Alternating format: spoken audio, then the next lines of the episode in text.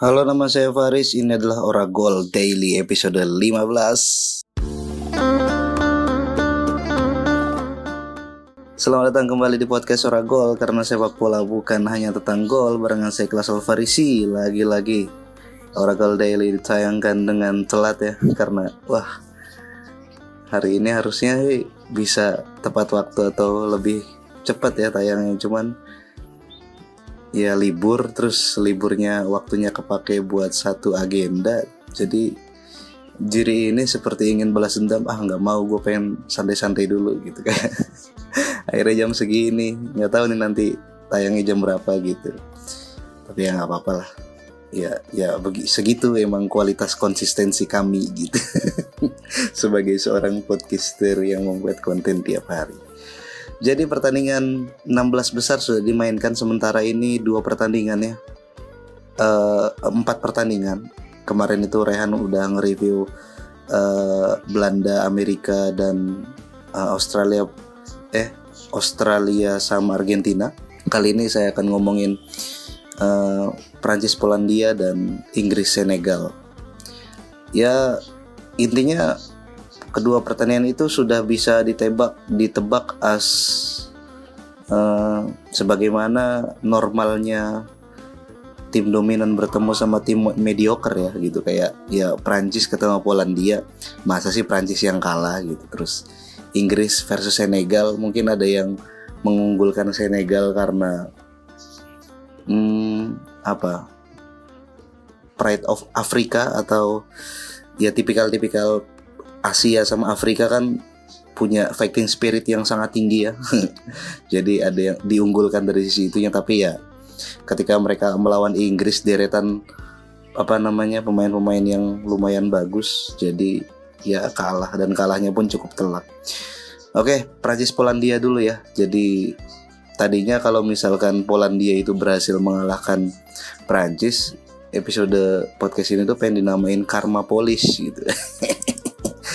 sosokan gitu. Tapi hmm, ya Polandia bagaimanapun belum bisa lah menyambai level permainan dari Prancis karena Polandia juga termasuk tim yang bejo ya lolos ke Piala Dunia dengan jalur bay dengan jalur bay dia memasukkan unsur politik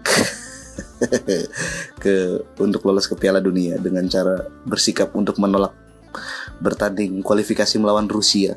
Sehingga Rusia juga di ban akhirnya dia di buy terus ya lolos lawan Swedia ya kalau misalnya lawan Swedia. Dan dan lolos ke fase grup pun eh lolos dari fase grup pun cenderung bejo kalau menurutku mah karena nggak punya penampilan atau performa yang impresif impresif amat gitu di grup C ya bersama Argentina uh, menyingkirkan Meksiko dan Arab Saudi. Tapi ya itulah Polandia dan ketika di 16 besar langsung ketemu sama Prancis udah langsung kelihatan berbagai macam kejelekan dan kekurangan dari timnas Polandia gitu.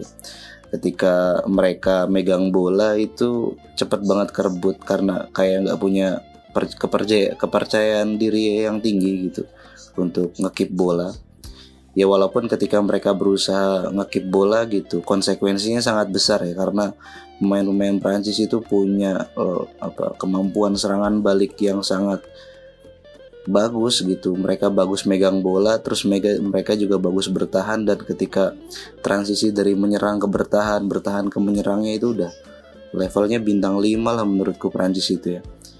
Uh, menang 3-1 Nah, gol pertama itu Giroud ya yang golnya menandai dirinya itu berhasil melampaui teori Angri ya menjadi pencetak gol terbanyak sepanjang masa dari Prancis.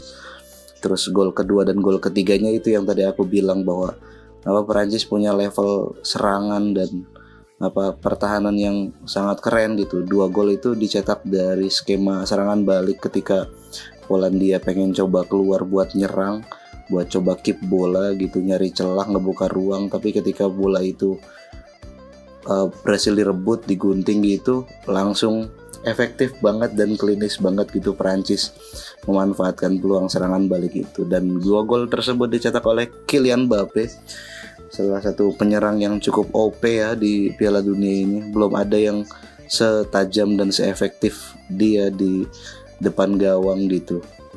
Gokil lah udah dan dan Mbappe ini sudah berhasil memecahkan rekornya Pele. Karena di umur 24 tahun Pele baru nyetak 7 gol ya tapi di Mbappe udah 9 gol. Dan sementara udah jadi uh, top skor sementara ya di Piala Dunia 2022 ini ya. Selamatlah Prancis dan semoga kalah ya. Maksudnya ya mungkin kalahnya di final ataupun di semifinal gitu. Karena kalau juara lagi saya sih tidak menginginkan itu. Adalah ada juara baru lah. Siapa kayak gitu. Gitu ya. Terus ada Inggris versus Senegal yang dimenangkan oleh Inggris 3-0 ya nggak ini nggak nggak aneh juga. Karena Senegal juga nggak klinis gitu di depan gawang.